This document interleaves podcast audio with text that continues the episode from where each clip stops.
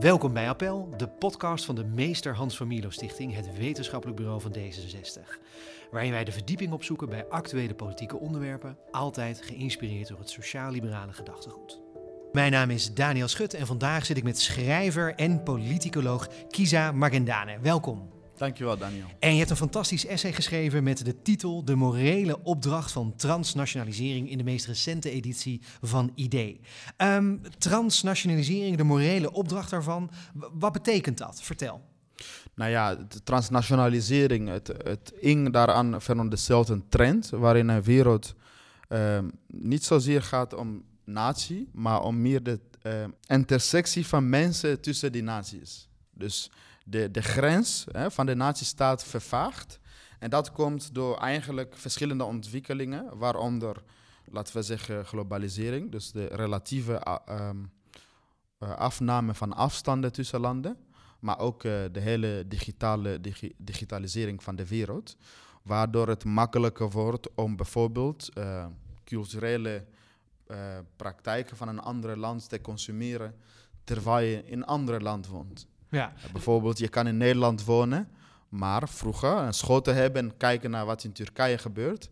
Maar tegenwoordig met internet kan je makkelijk uh, uh, ja, ontwikkelingen daar in de gaten houden. Met mensen via WhatsApp voor bijna gratis communiceren. Dus al deze ontwikkelingen zorgen ervoor dat mensen dus fysiek in een, in een land kunnen wonen, maar psychisch uh, met een andere voet in een ander land.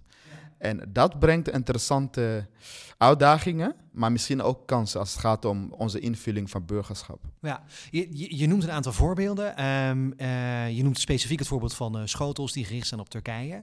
Um, dat voorbeeld is natuurlijk in uh, de rechtsconservatieve media, waaronder Geen Stijl, HP De Tijd, maar ook op andere plekken, is, is natuurlijk ook al twintig jaar lang, dertig jaar lang wordt het aangehaald als iets slechts. Dat het niet goed is dat er in Nederland heel veel mensen zijn die hun cultuur, hun massamedia, hun, hun ideeën, hun filosofie, hun ideologie uit andere landen halen. Andere landen waar een cultuur leeft die misschien uh, toch een beetje in conflict zou kunnen zijn met wat je in Nederland hebt. Dus uh, zie jij dat ook zo? Wat zou je daarover zeggen? De, um, die kritiek vanuit die hoek is.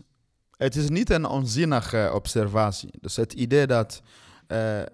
want het is gestoeld op het idee dat een land bepaalde normen en waarden met elkaar deelt. Dus als jij in Nederland woont, dan moet je de zogenaamde Nederlandse waarden en normen uh, uh, aannemen.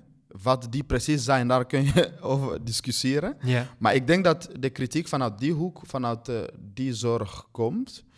Um, en het is niet een onzinnige kritiek, maar tegelijkertijd um, ja, is het een ontkenning van de realiteit. Als het gaat om bijvoorbeeld eerste en tweede generatie migranten, ja, dan heb je echt te maken met mensen die tussen twee werelden leven. Dat is altijd zo geweest. Zelfs Nederlanders die naar de Verenigde Staten gingen, uh, eh, 19e eeuw moet ik zeggen. Ja, die namen ook uh, hun cultuur en praktijk mee uit Duitsland. Die schreven brieven. Alleen de technologie, in dit geval de schotenantenne, maakt het veel makkelijker om met Turkije verbonden te zijn. En ja. met internet helemaal. Maar je ziet dus wel dat in de loop der tijd, vanaf een derde generatie, ja, dat mensen toch zich meer met Nederland gaan identificeren. Dus uh, in plaats van paniekerig te doen, uh, dus nervositeit tegen deze trend, moeten we denk ik goed nadenken, hoe kunnen wij deze dubbele verbinding van deze mensen benutten ja. voor Nederland? Ja. Dat zijn veel interessantere vragen dan het veroordelen dat hun, hun culturele praktijk niet compatibel zou zijn met uh, de Nederlandse rechtsstaat of samenleving. Ja, ja. Je, je, schreef een prachtige zin, je haalt het nu ook weer aan. Hè? Je, de zin die je schreef was, Nederland kent steeds meer biculturele burgers.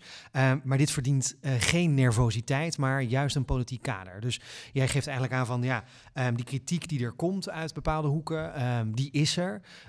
Um, het fenomeen dat mensen bicultureel zijn, dat is er ook. Maar de volgende vraag is, hoe kun je het als een kans zien in plaats ja. van een probleem eigenlijk? Ja. Dat is, ja. En ik heb het gevoel dat in het politiek landschap heb je twee scholen. Aan de ene kant de, deze rechtsconservatieve school. En aan de andere kant, het is niet echt, het is vrij armoedig. Laten we zeggen de progressieve hoek. Die omarmt, het, die omarmt die hele diversiteit of multiculturalisering of uh, durft niet een heldere visie te ontwikkelen. Ja. Ik denk dat progressieve partijen ook echt een opdracht hebben om wat ik dus noem een politieke kader hier, hierom trend te ontwikkelen. Door aan de ene kant inderdaad rekening te houden met de gevoeligheden van de transnationalisering. Want eh, we kunnen niet ontkennen dat sommige mensen in Nederland vooral een emotionele relatie met Nederland hebben. Terwijl andere mensen, andere burgers, niet alleen maar een emotionele relatie met Nederland hebben, maar ook met een land van hun voorouders, tussen haakje. Eh, nee, waar de wortels liggen, want de wortels tussen haakje. En uh, ik denk dat um, de, politieke kader dus ook vanuit die hoek uh, moet komen. Want anders blijven die populistische, nationalistische discours van rechtsconservatieven domineren. En zo missen wij de boot, omdat we dan niet weten hoe kunnen wij dan die multiculturaliteit benutten voor, voor, ja, voor Nederland. Als, als je het hebt over handel, culturele uitwisseling. Ja, die hoek zit ik te denken. Ja, dat is interessant wat je zegt. Je, je zegt dus uh, biculturele of multiculturele identiteit um, biedt heel veel kansen. Je moet het benutten eigenlijk ook. Um, hoe moet je dat benutten? Um, ik denk uh, bijvoorbeeld aan uh, diplomatieke relaties. Ik had het net over, laat, laten we beginnen met diplomatie. Je ziet vaker heel veel verwarringen. Bijvoorbeeld de betrekkingen tussen Turkije en Nederland. Marokko en Nederland, idem dito. Nou, we praten al heel lang over de lange arm van. Dus het idee dat uh, bepaalde landen invloed zouden hebben op mensen hier. Uh, met de Turkije-koep in 2016 zagen we dat. Uh, met Marokko ook recent met de ontwikkelingen in RIF. ik denk dat in dat soort conflicten er mensen zijn die een functie van een bruggenbouwers kunnen vervullen.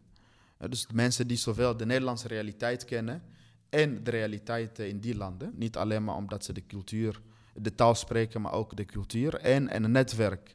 En ik denk dat dat principe kan je dus ook toepassen op handel.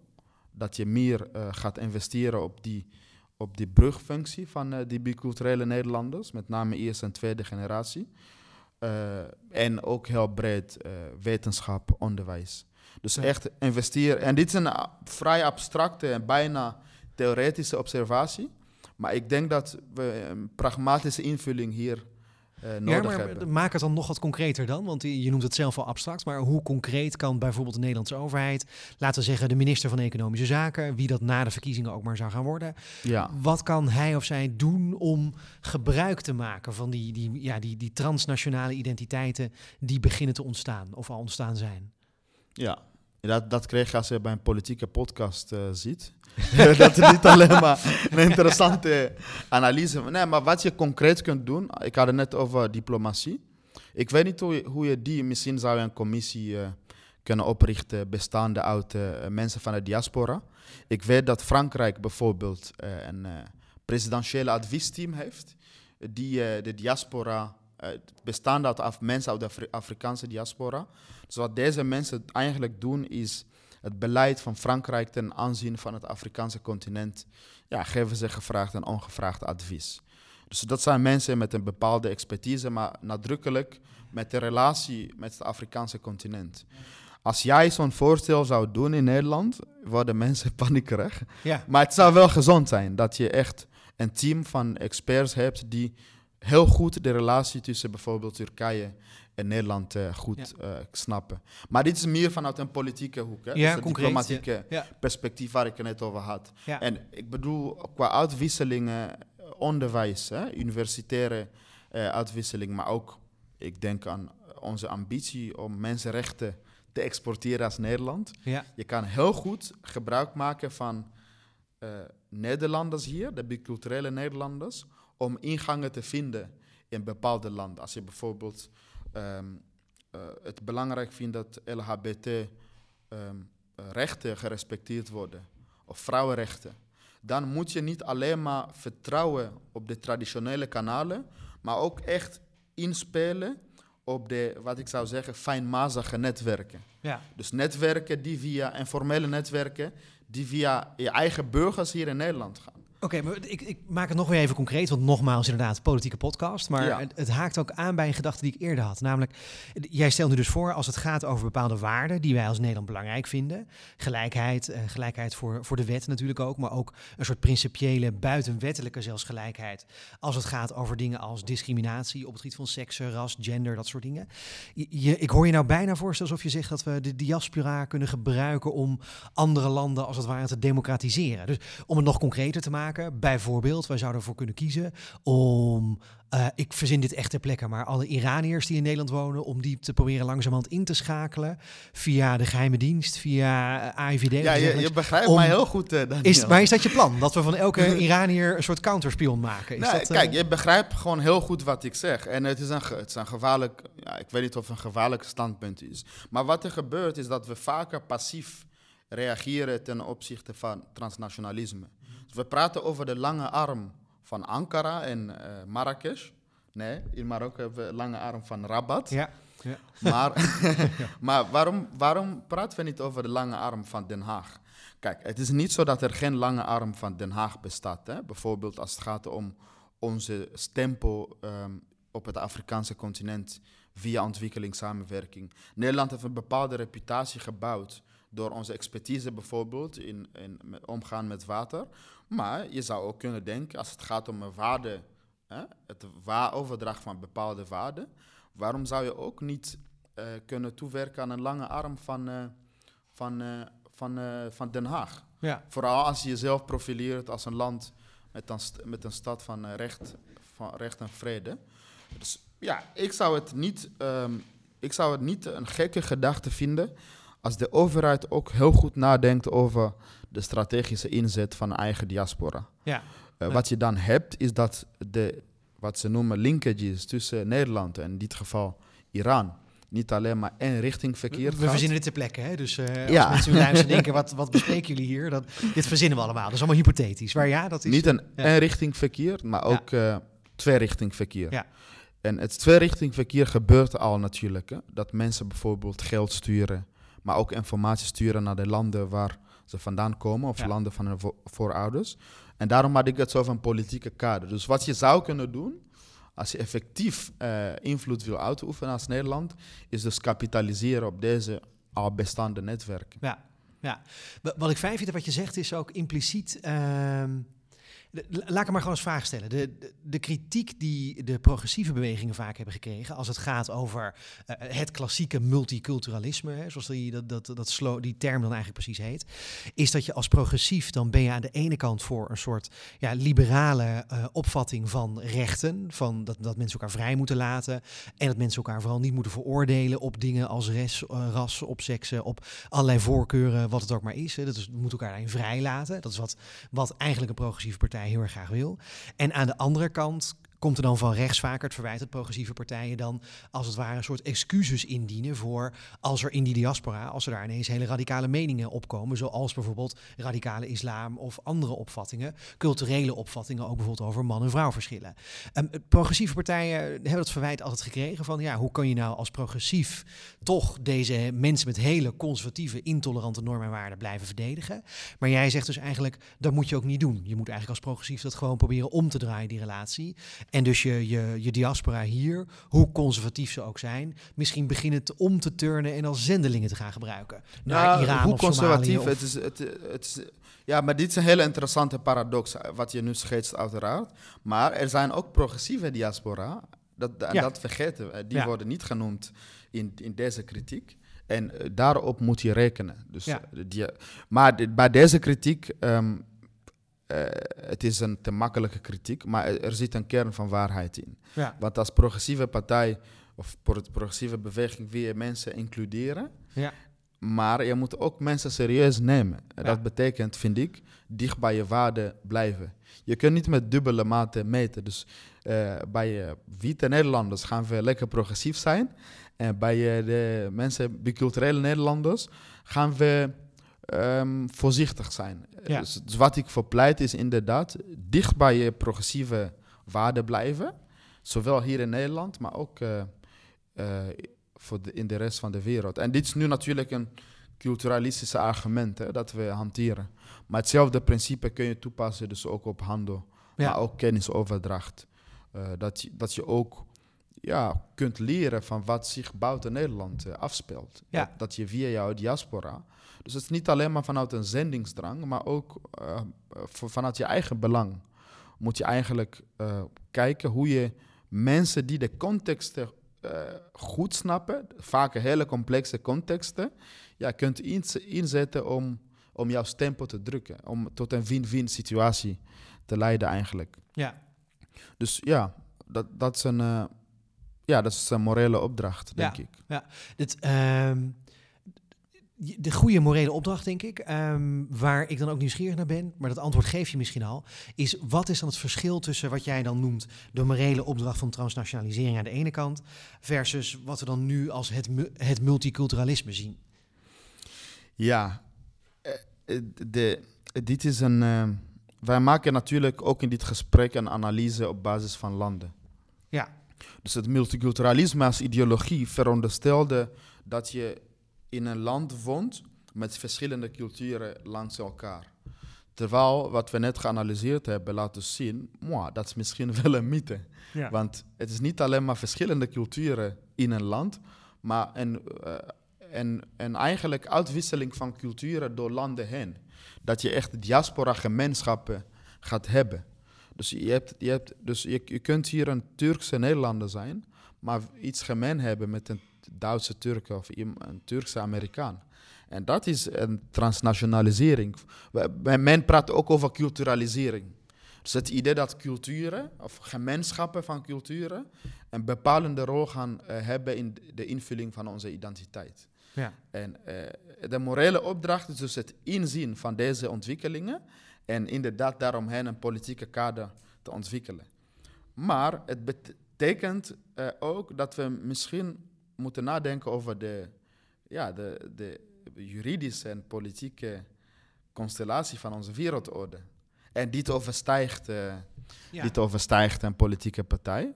En dat is eigenlijk het morele component daaraan. Namelijk, waarom zou je blindelings een systeem eh, ehm, op een systeem bouwen die vanuit alle kanten wordt bevraagd? Dus de internationale statensysteem wordt door allerlei ontwikkelingen ingehaald.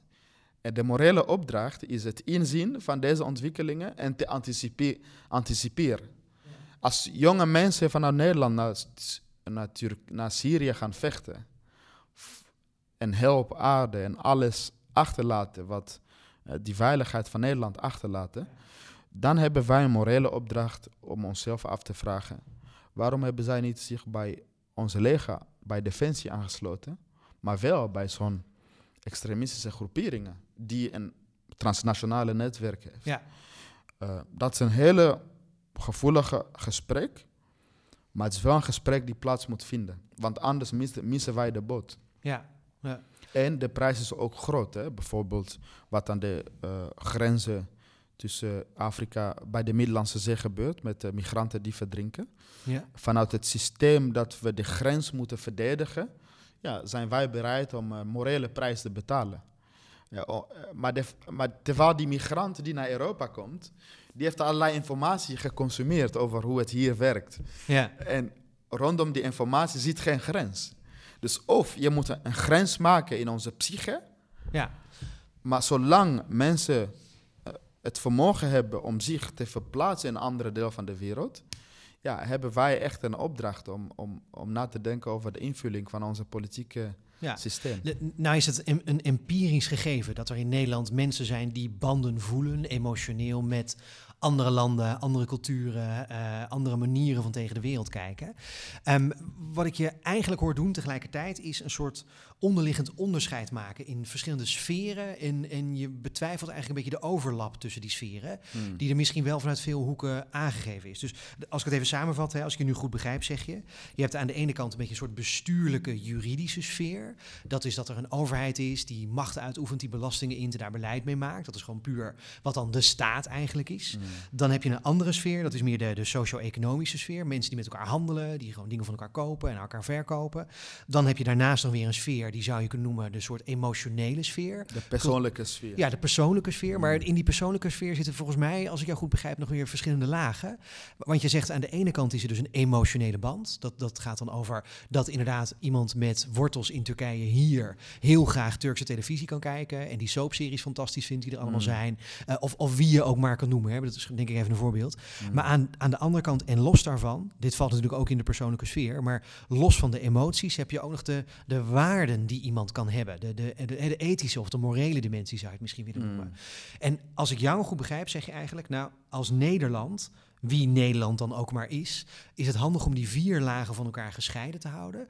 Om te zien dat er een empirisch gegeven is. Mm. En niet een vaste koppeling te maken tussen ben je, voel jij jezelf emotioneel vooral Nederlander? Ja. Nou, dan ben je dus ook lid van dat politiek-juridische construct wat we ook Nederland noemen. Ja, ja, ja, Vat ik het zo goed samen? Ik vind het dat- heel mooi hoe je dat onderscheidt. Want eh, kijk, burgerschap is natuurlijk traditioneel hè, ingevuld vanuit het hele idee dat je een relatie hebt met een politieke gemeenschap. Ja, Het is ja. vaak een juridische relatie. Het kan ook een politieke hè, relatie worden, dat je echt participeert in de samenleving. Maar je ziet dus eh, dat er ook een ontwikkeling is richting het communautaristische invulling van burgerschap. Dat je een emotionele relatie met een politieke gemeenschap ontwikkelt. En Jan-Willem Duivendak, Amsterdamse socioloog, die praat over emotionalisering of verhuizelijking van burgerschap.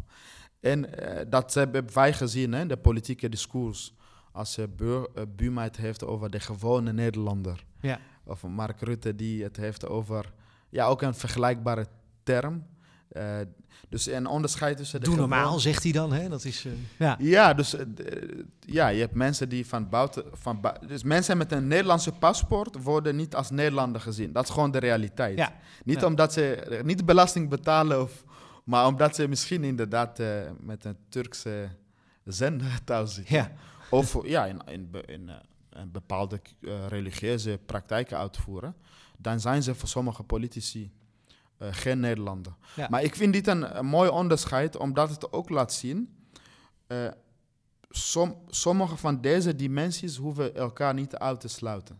Ja. Je kunt dus een emotionele relatie met Turkije hebben, maar gewoon keurig je belasting betalen Ja, en jezelf van de regels houden in- hier in Nederland. Ja, hoe gaan we daarmee om? Ja, Denk, een politieke partij als Denk, vindt dat geen probleem. En het CDA vindt dat wel een probleem. Ja. En daar moet je een discussie over voeren. Ja. Ja. Ehm, Nou, ik vraag het specifiek omdat hè, als je die, die vier gebieden erbij pakt, en dat kunnen we op heel veel manieren natuurlijk definiëren, hè, daar kunnen we Ja. heel lang over praten, maar grofweg als je iets van vier gebieden erbij pakt, dan zie je inderdaad dat, nou, bijvoorbeeld een boek van Baudet over eh, aanval op de nazistaat, die, eh, wat zijn promotie uiteindelijk ook was, die verbindt juist eh, identiteitsvraagstukken ook aan die politiek-juridische constructie. Dus die zegt, ehm, wat een natie, wat een staat nodig heeft, een lid zijn van een politieke gemeenschap, wat dat nodig heeft, is ook eh, emotionele verbondenheid en eh, eh, waardeverbondenheid tegelijkertijd. ja. Dat is echt de kern van wat hij eigenlijk zegt. Ja, het ja. CDA beweert, die zegt er misschien niet hardop, maar die beweert wel vergelijkbare Mm. zaken. Ehm, andere partijen zeggen dat natuurlijk ook. ja. Ehm, maar, maar vandaar dat ik het ook probeer naar boven te halen. Want dit Ja. is blijkbaar echt de essentie van. Jij zegt dus: haal die dingen, die dingen hoeven elkaar niet te bijten. Mhm. En ze kunnen los uit elkaar lopen. En Mm. andere partijen zeggen dus: die dingen kunnen elkaar dus wel bijten. Een emotionele verbindenis met Turkije, dat, dat zorgt dat je dus geen Nederlander kan zijn. Ja, en, en in deze discussie zie je dus wel dat dit soort partijen, laten we zeggen rechtsconservatief, een heldere normatieve positie hebben. Ja. Ja. je kunt daar tegen zijn, maar het is wel een visie. Ja, Eh, aan de andere kant ja, van dus- het politieke spectrum eh, is vooral ongemak. Ja. Zou ik, denk ik. Ik denk dat men het ongemakkelijk vindt om een, ges- een fatsoenlijk gesprek hierover te hebben. ja, Daarom, ik, maar ik geloof wel dat we een visie nodig hebben. Misschien tegenover die van Baudet. ja. Want het is, het is maar een visie, hè, die wat mij betreft achterloopt op de empirische realiteit die we net omschreef. Je kunt tegen transnationalisering zijn, maar het is een realiteit. Mhm. Maar de vraag is vervolgens, wat ga je daarmee doen? Ja. Ga je mensen uitzetten die hier een paspoort hebben? Nee, dat kan, kan niet. Ga Nou je, ga je ze maar discrimineren? Dat zijn wel dingen die, die, ik weet niet helemaal ze- 100% wat er in het eh, programma van Forum voor Democratie staat. Maar Ja, het is op een subtiele manier worden dit soort ideeën vanuit die hoek. eh, maar we hebben nog steeds een rechtsstaat. Hè? En vanuit de rechtsstaat als, als een kader, daar, daar moet geen discussie mogelijk over zijn. Ja, Maar het gaat erom dan, hoe, hoe ga je dan mee om met die emotionele dimensie? Voor alle duidelijkheid, dat mensen, ik zeg, ik zei ook, het sluit elkaar niet uit, maar het, het heeft ook een nare kant, hè? dat mensen een emotionele relatie hebben met een andere gemeenschap. Dus je moet die discussie vrij voeren, dat jonge mensen bij, in Syrië gaan vechten. Ja, vanuit een nationalistische perspect- perspectief kunnen we dat niet volgen. ja, Dus je, je moet, denk ik, toch echt in iedere context eh, heel goed nadenken. Hoe gaan wij om met deze gelaagde invulling van identiteit? Het Ja. Wetenschappelijke Raad voor Regeringsbeleid schreef al in 2007, ik was het jaar dat ik naar Nederland, kwam, een rapport Identificatie met Nederland. En de titel zegt het al, want wat de Raad voorschreef is dat waar het om gaat, is om te kijken hoe mensen zich met Nederland identificeren. Ze kunnen wel misschien een relatie hebben met een andere politieke gemeenschap, maar wat gezonder is, is het feit dat, eh, we, ja, dat we het faciliteren dat ze zich met Nederland identificeren. ja, En dat is vaker ook het geval. Als je tweede generatie migranten vraagt in Nederland, ja, komt het op neer, hun sociale structuur is toch grotendeels in Nederland. Ze spreken hier de taal en ze vinden bepaalde ja, normen en waarden toch wel heel belangrijk. En, en die eh, misschien 25% waar extreem rechts aandacht aan besteedt, ja, dat is niet een vertegenwoordiging van, eh, ja. van, de, van de biculturele realiteit. Ja. ja. Je, ehm, maar toch die 25% die is er wel. Ja, en dat brengt ook wel spanningen. Ja, Eh, hoe, ja, er is nou dus een verklaring. Het is niet heel vreemd. Hè? Dus Ja. het is niet vreemd dat mensen een emotionele relatie met, eh, met een ander land hebben. ja. Ja. Door al die ontwikkelingen, zoals Denk globalisering. je, dat voorbeeld wat je net noemde reizen. over, ehm over Syriëgangers vind ik dan wel interessant. Hè? Want dat, dat voorbeeld dat zweeft nu dan een beetje zo in de discussie rond. Ehm, je zegt het is jammer eh, en het is in zekere zin onbegrijpelijk als mensen in het veilige Nederland zijn opgegroeid en dan zeggen ik ga mijn leven geven voor een politieke gemeenschap die echt totaal bizar is, namelijk in Syrië. En, en nou ja, dat, dat, dat is natuurlijk, het voelt heel erg onbegrijpelijk. Wat maakt dan dat, zo, dat zoiets gebeurt? Waarom neemt iemand, waarom is die emotionele band met wat de wortels van zijn of haar ouders zijn geweest, of grootouders zijn geweest, zoveel sterker ehm, dan de emotionele band hier in Nederland of dan het lidmaatschap van de politieke gemeenschap die Nederland is? Als ik Mark Rutte was, zou ik zeggen, ik ben geen socioloog. Oké, dat dat ja. zegt hij vaak als hij eh, Ja. dingen moet gaan duiden. Ja. maar eh, maar het is, eh, het is, in dit geval gaat het om een religieuze identiteit, hè, die ook een transnationale karakter heeft. Ja. Dus, mensen hebben een bepaalde invulling van de islam, eh, het idee van een islamitische staat. En eh, het internet faciliteert de eh, export van dit soort ideeën. En voor sommigen, voor dit soort specifiek, het is een kleine groep, maar voor hen is het dan de UMA, ik weet niet of ik het goed uitspreek, een islamitische gemeenschap, Ja. Ja. ja, toch belangrijker dan de Nederlandse gemeenschap. Ja. En ehm, ja, dat is een realiteit. En, en daar hebben wij mee te dealen. Ja. Eh, dus hetzelfde geldt van christelijke identiteit. Sommige christenen hier in Nederland vinden het heel belangrijk om andere christenen elders in de wereld te helpen vanuit dat principe. Ja. Eh, dus zo zie je dus dat naast een emotionele band met een land, eh, mensen ook zich kunnen in een, met een ander land bedoel ik, mensen ook zich met een bepaalde community Ja. of een bepaalde eh, levensbeschouwelijke community ja, kunnen precies. Een identificeren. bepaalde houding eigenlijk in zekere zin. Ja. Ja. En eh, transnationalisme is uiteraard eh, een praktijk. We hebben het nu over natie en ik noemde net religie, maar het is net zo breed. Als je een expert bent, leef je toch in een bepaalde, het is toch een bepaalde eh, fenomeen, of de zogenaamde digital nomad. Ja. Van die jonge mensen die Ja, in ja. alle hoeken van de wereld werken en koffie drinken en vanuit een achter laptop. Het is ook een praktijk. In, in het centrum van Amsterdam, heel veel mensen zeggen van dit is niet meer mijn stad. Ja. Om, Ja. Omdat je, eh, de, de, de invulling daarvan lijkt bijna sprekend op Ja. eh, een straat in New York. En dat is, ja, dus dan heb je een lokale realiteit die een mondiale karakter heeft. Ja. En, en, da- en dus het, het- is, het is net iets breder dan alleen maar de Turken die een emo- emotionele relatie met Nederland hebben. Ja, is, is, je haalt een heel mooi voorbeeld aan, namelijk over het centrum van Amsterdam. En dat is, eh, we leven nu Met augustus koffie- 2020, koffietentjes. corona is net voorbij. Eh, maar je zegt heel terecht dat, dat heel veel mensen het centrum van Amsterdam ervaren hebben als een soort, ja, als niet meer echt de stad van hen. Hè. De mensen die daar wonen zeggen, dit voelt niet meer als de stad van hen. Eh, nu met corona even wel, maar nu de toeristen wel langzamerhand terugkomen, voelt het weer als een soort transnationaal fenomeen. Hm. Maar, maar kan dat wel? Kunnen mensen zich wel identificeren met zo'n soort transnationaal concept? Eh, Lukt dat wel? Of is een, is een identiteit altijd en identificatie altijd een lokaal gebonden proces? Eh, het Ook weer een dit- sociologische vraag. Misschien Nee, maar dit is wel de essentie van de hele discussie. Ja, Is dus, eh, zijn, wij, zijn wij worteloos? Nou, ik ben in ieder geval van mening, ik zeg altijd, mensen zijn geen wortels, maar planten wel. Dus waar je geboren bent, bepaalt niet, eh, zou niet moeten bepalen wat voor type mensen je wordt, maar het is wel de realiteit. ja, dus de, jouw kans op onderwijs, maar ook gewoon een gelukkig leven. Het paspoort, een Nederlands paspoort, biedt gewoon heel veel kansen ten opzichte van Congolese paspoort. Eh, dus het, ik denk dat we de vraagtekens moeten plaatsen, vooral als je het hebt over nou, misschien bepaalde liberale waarden zoals gelijkheid. Ehm, je moet jezelf afvragen, hoe moreel is dit? Dat eh, jouw postcode bepaalt wat voor kansen je krijgt. ja. Maar jouw vraag, ja, jouw vraag is natuurlijk veel breder. En ik denk dat we kunnen, we kunnen de morele dimensie van worteldenken, zoals ik het noem, we kunnen die be- bevragen. Hè? Dus het idee dat de lokaliteit jouw leven zou moeten bepalen.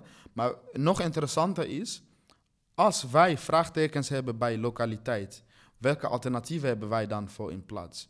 Ik geloof persoonlijk in relaties. Daarom had ik het ook over de linkages tussen Nederland en Turkije bijvoorbeeld, dat je daarop kan benutten.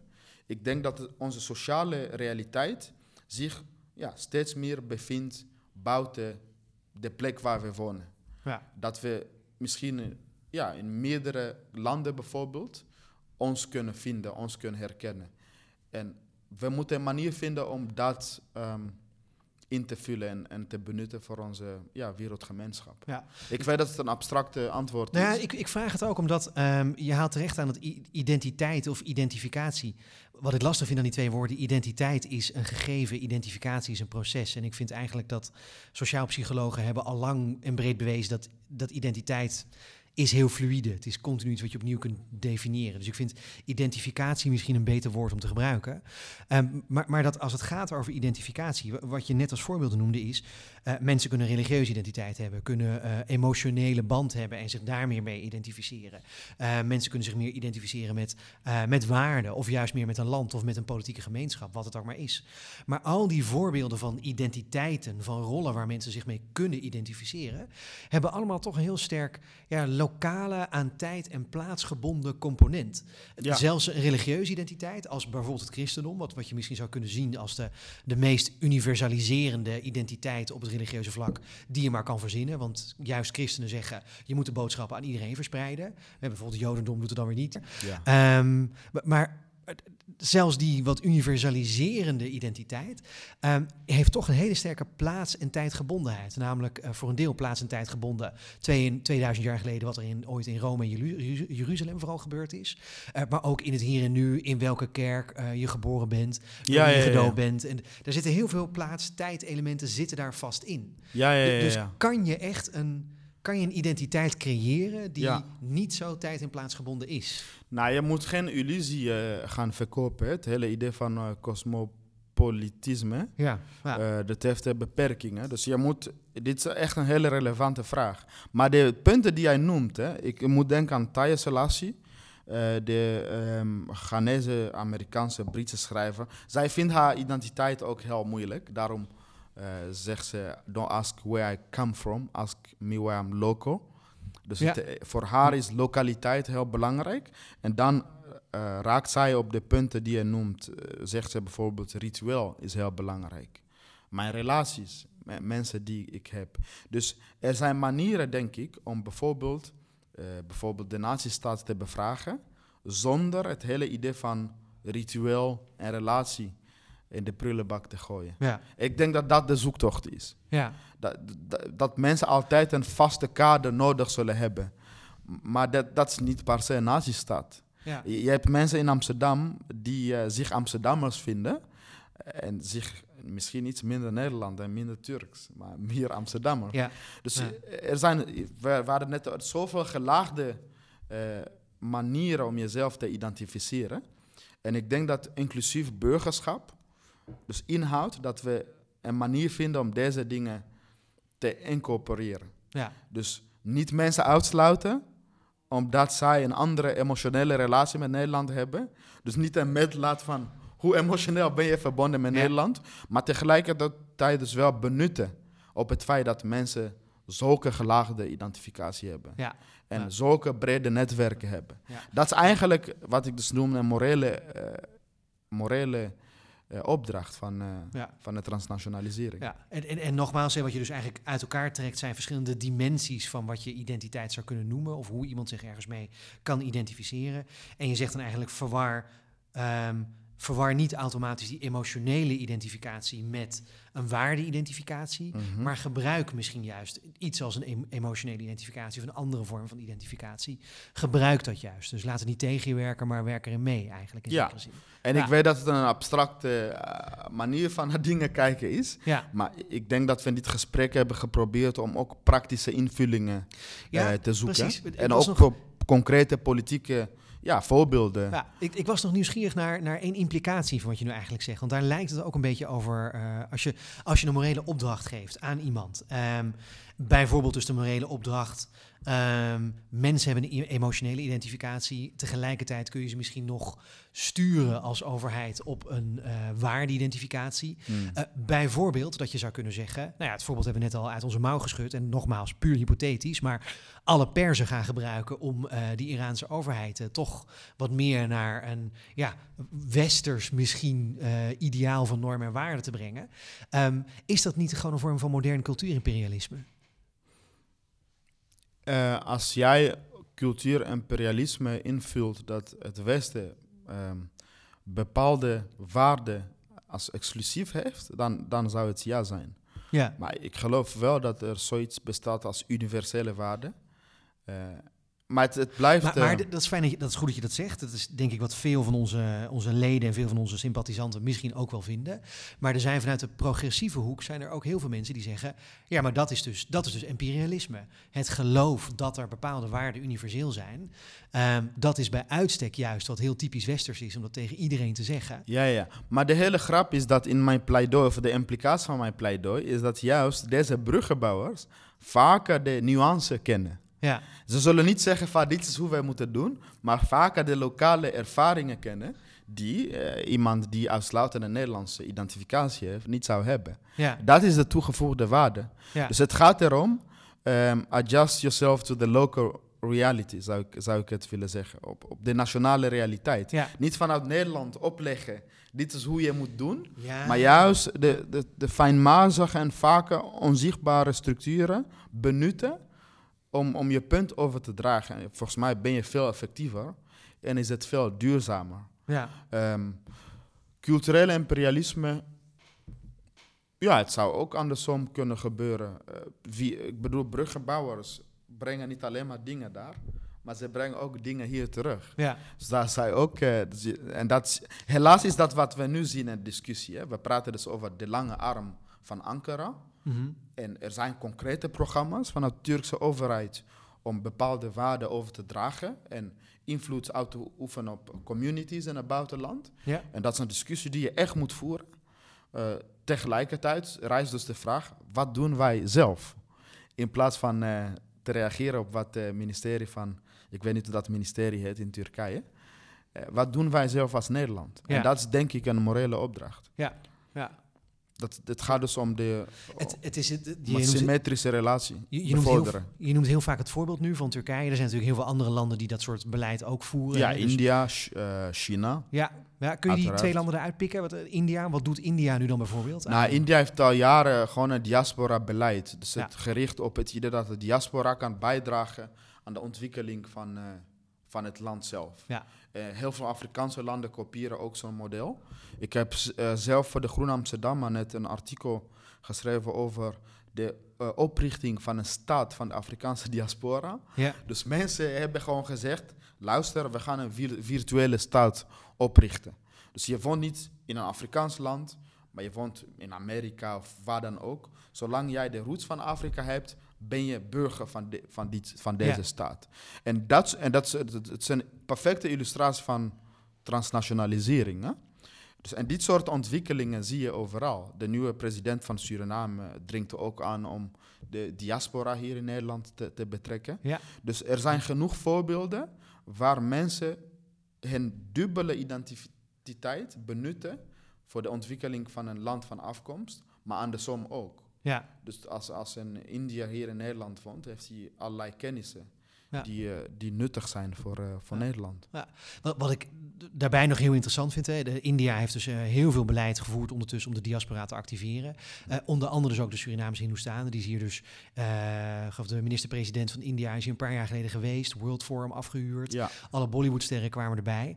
Ehm, maar ik blijf het interessant vinden hoe we in het maatschappelijk debat dan verschillende ehm, andere half nationale, half transnationale identiteiten, hoe we die toch nog weer altijd inconsistent beoordelen. Eh, om daar een voorbeeld bij te noemen, we hebben het nu over de Indiase diaspora. Eh, waar niemand een probleem mee heeft, is als eh, heel Amstelveen ten tijde van Holi en ten tijde van Diwali wordt afgehuurd om aan alle Indiase expats dat te, vieren. Het zijn belangrijke feestdagen voor mensen die zichzelf Hindoe noemen. Ehm, als je kijkt op de Gelderse Kade in Amsterdam, dan zie je dat alle straatnaamborden ondertiteld zijn met Chinese tekens. Dus voor China vindt het ook geen probleem. Ehm, maar op het moment dat een burgemeester ooit een keer met een halalviering mee gaat doen, met bijvoorbeeld een suikerfeestviering of iets dergelijks, eh, dan staat alle rechtse media staat er helemaal bol van. Van ja, dat kan natuurlijk niet. Die Ja. andere cultuur, die gevaarlijke cultuur, eh, daar mag je niet aan meedoen. Ja. En ik vind het heel interessant hoe, hoe je al die identiteiten toch continu weer ehm, ja, niet, niet neutraal en objectief misschien Ja, zouden kunnen benaderen. Dat is, eh, ja de, islam, de islam is nu natuurlijk het monster. Ja. Dat is is voorbeeld die jij noemt. Ja. Eh, wij hebben een bepaalde kader, dat is islam. En mensen die hierover schreeuwen, komen uit een bepaalde hoek. En eh, het is gewoon in onze, in onze, in onze samenleving ingeënt. Ja. Het is in onze culturele eh, archief. Ehm, eh, hetzelfde met onze kijk op ehm, Joden in- een paar eeuwen terug. Het, het, bepaalde waarden zijn gewoon, bepaalde perspectieven zijn ingeënt in onze samenleving. En ik denk dat we daarom kritisch moeten blijven. We moeten niet onszelf verleiden om in, in dat soort discours te trappen, Ja. maar echt een alternatieve visie Ja. te presenteren. Want die, het voorbeeld van de Indiaanse gemeenschap laat dus wel zien, en de Chinese gemeenschap, dat je prima en je kunt prima behoren bij een bepaalde community. Hè? In een, je kan bij de Chinese gemeenschap horen, bij een Indiaanse gemeenschap en in Nederland, in Den Haag wonen, maar nog steeds een Nederlandse staatsburger. Ja. En dat is Ja. heel fascinerend. Ja. En, en dat dan inzetten voor de ontwikkeling van beide landen. En dat, in mijn artikel had het ook over een brugfunctie. Ja. Dat je een brugfunctie eh, kunt, eh, kunt, eh, Ja. Kunt Hey, we, uitvoeren. we hebben ondertussen al wat concrete aanbevelingen en ideeën van jou gehoord. hè? Dat niet allemaal even serieus misschien. Eh, ik weet niet hoe. eh, ja. De analyse en inspiratie is soms interessanter dan eh concrete ja, nee, daarom. Nee, daarom inderdaad. Maar, maar heb je nog wat concrete manieren om het politieke kader dan verder in te vullen met, die, van, met al die verschillende identiteiten die er kunnen zijn? Ja, dus, eh, eh, dus ik denk dat wat ik net begin concreet zei, verwees naar Frankrijk. Ja. Dat zou een ehm, begin kunnen zijn. Dat je eh, communities gaat oprichten die, dus die verschillende netwerken in landen hebben. En ook nadenken over hoe je de lange arm van Den Haag Ja. kunt bevorderen. Dat doen we natuurlijk al via onze ambassades. Maar ik denk dat het benutten van je eigen mensen hier in Nederland daar, daarin het verschil kan maken. Een soort transnationale adviesraad voor. eh, Ja, want vaak eh, werken we nog steeds met traditionele kanalen van ad- advocaten en diplomaten, Ja. echt professionals. Maar ik denk, eh, kijk ook hoe je je eigen burgers hier kan inzetten om, eh, om je belangen elders ja. te bevorderen. Ja. Dus meer in die hoek eh zit ik te denken. Dankjewel, Kisa. Was een goed gesprek. Dankjewel, Daniel. Ja, dankjewel. Mooi. Daarmee zijn we aan het einde gekomen van deze aflevering van Appel. Bedankt voor het luisteren. Andere afleveringen zijn te vinden op de gebruikelijke podcastkanalen of via onze website van mierlostichting.nl.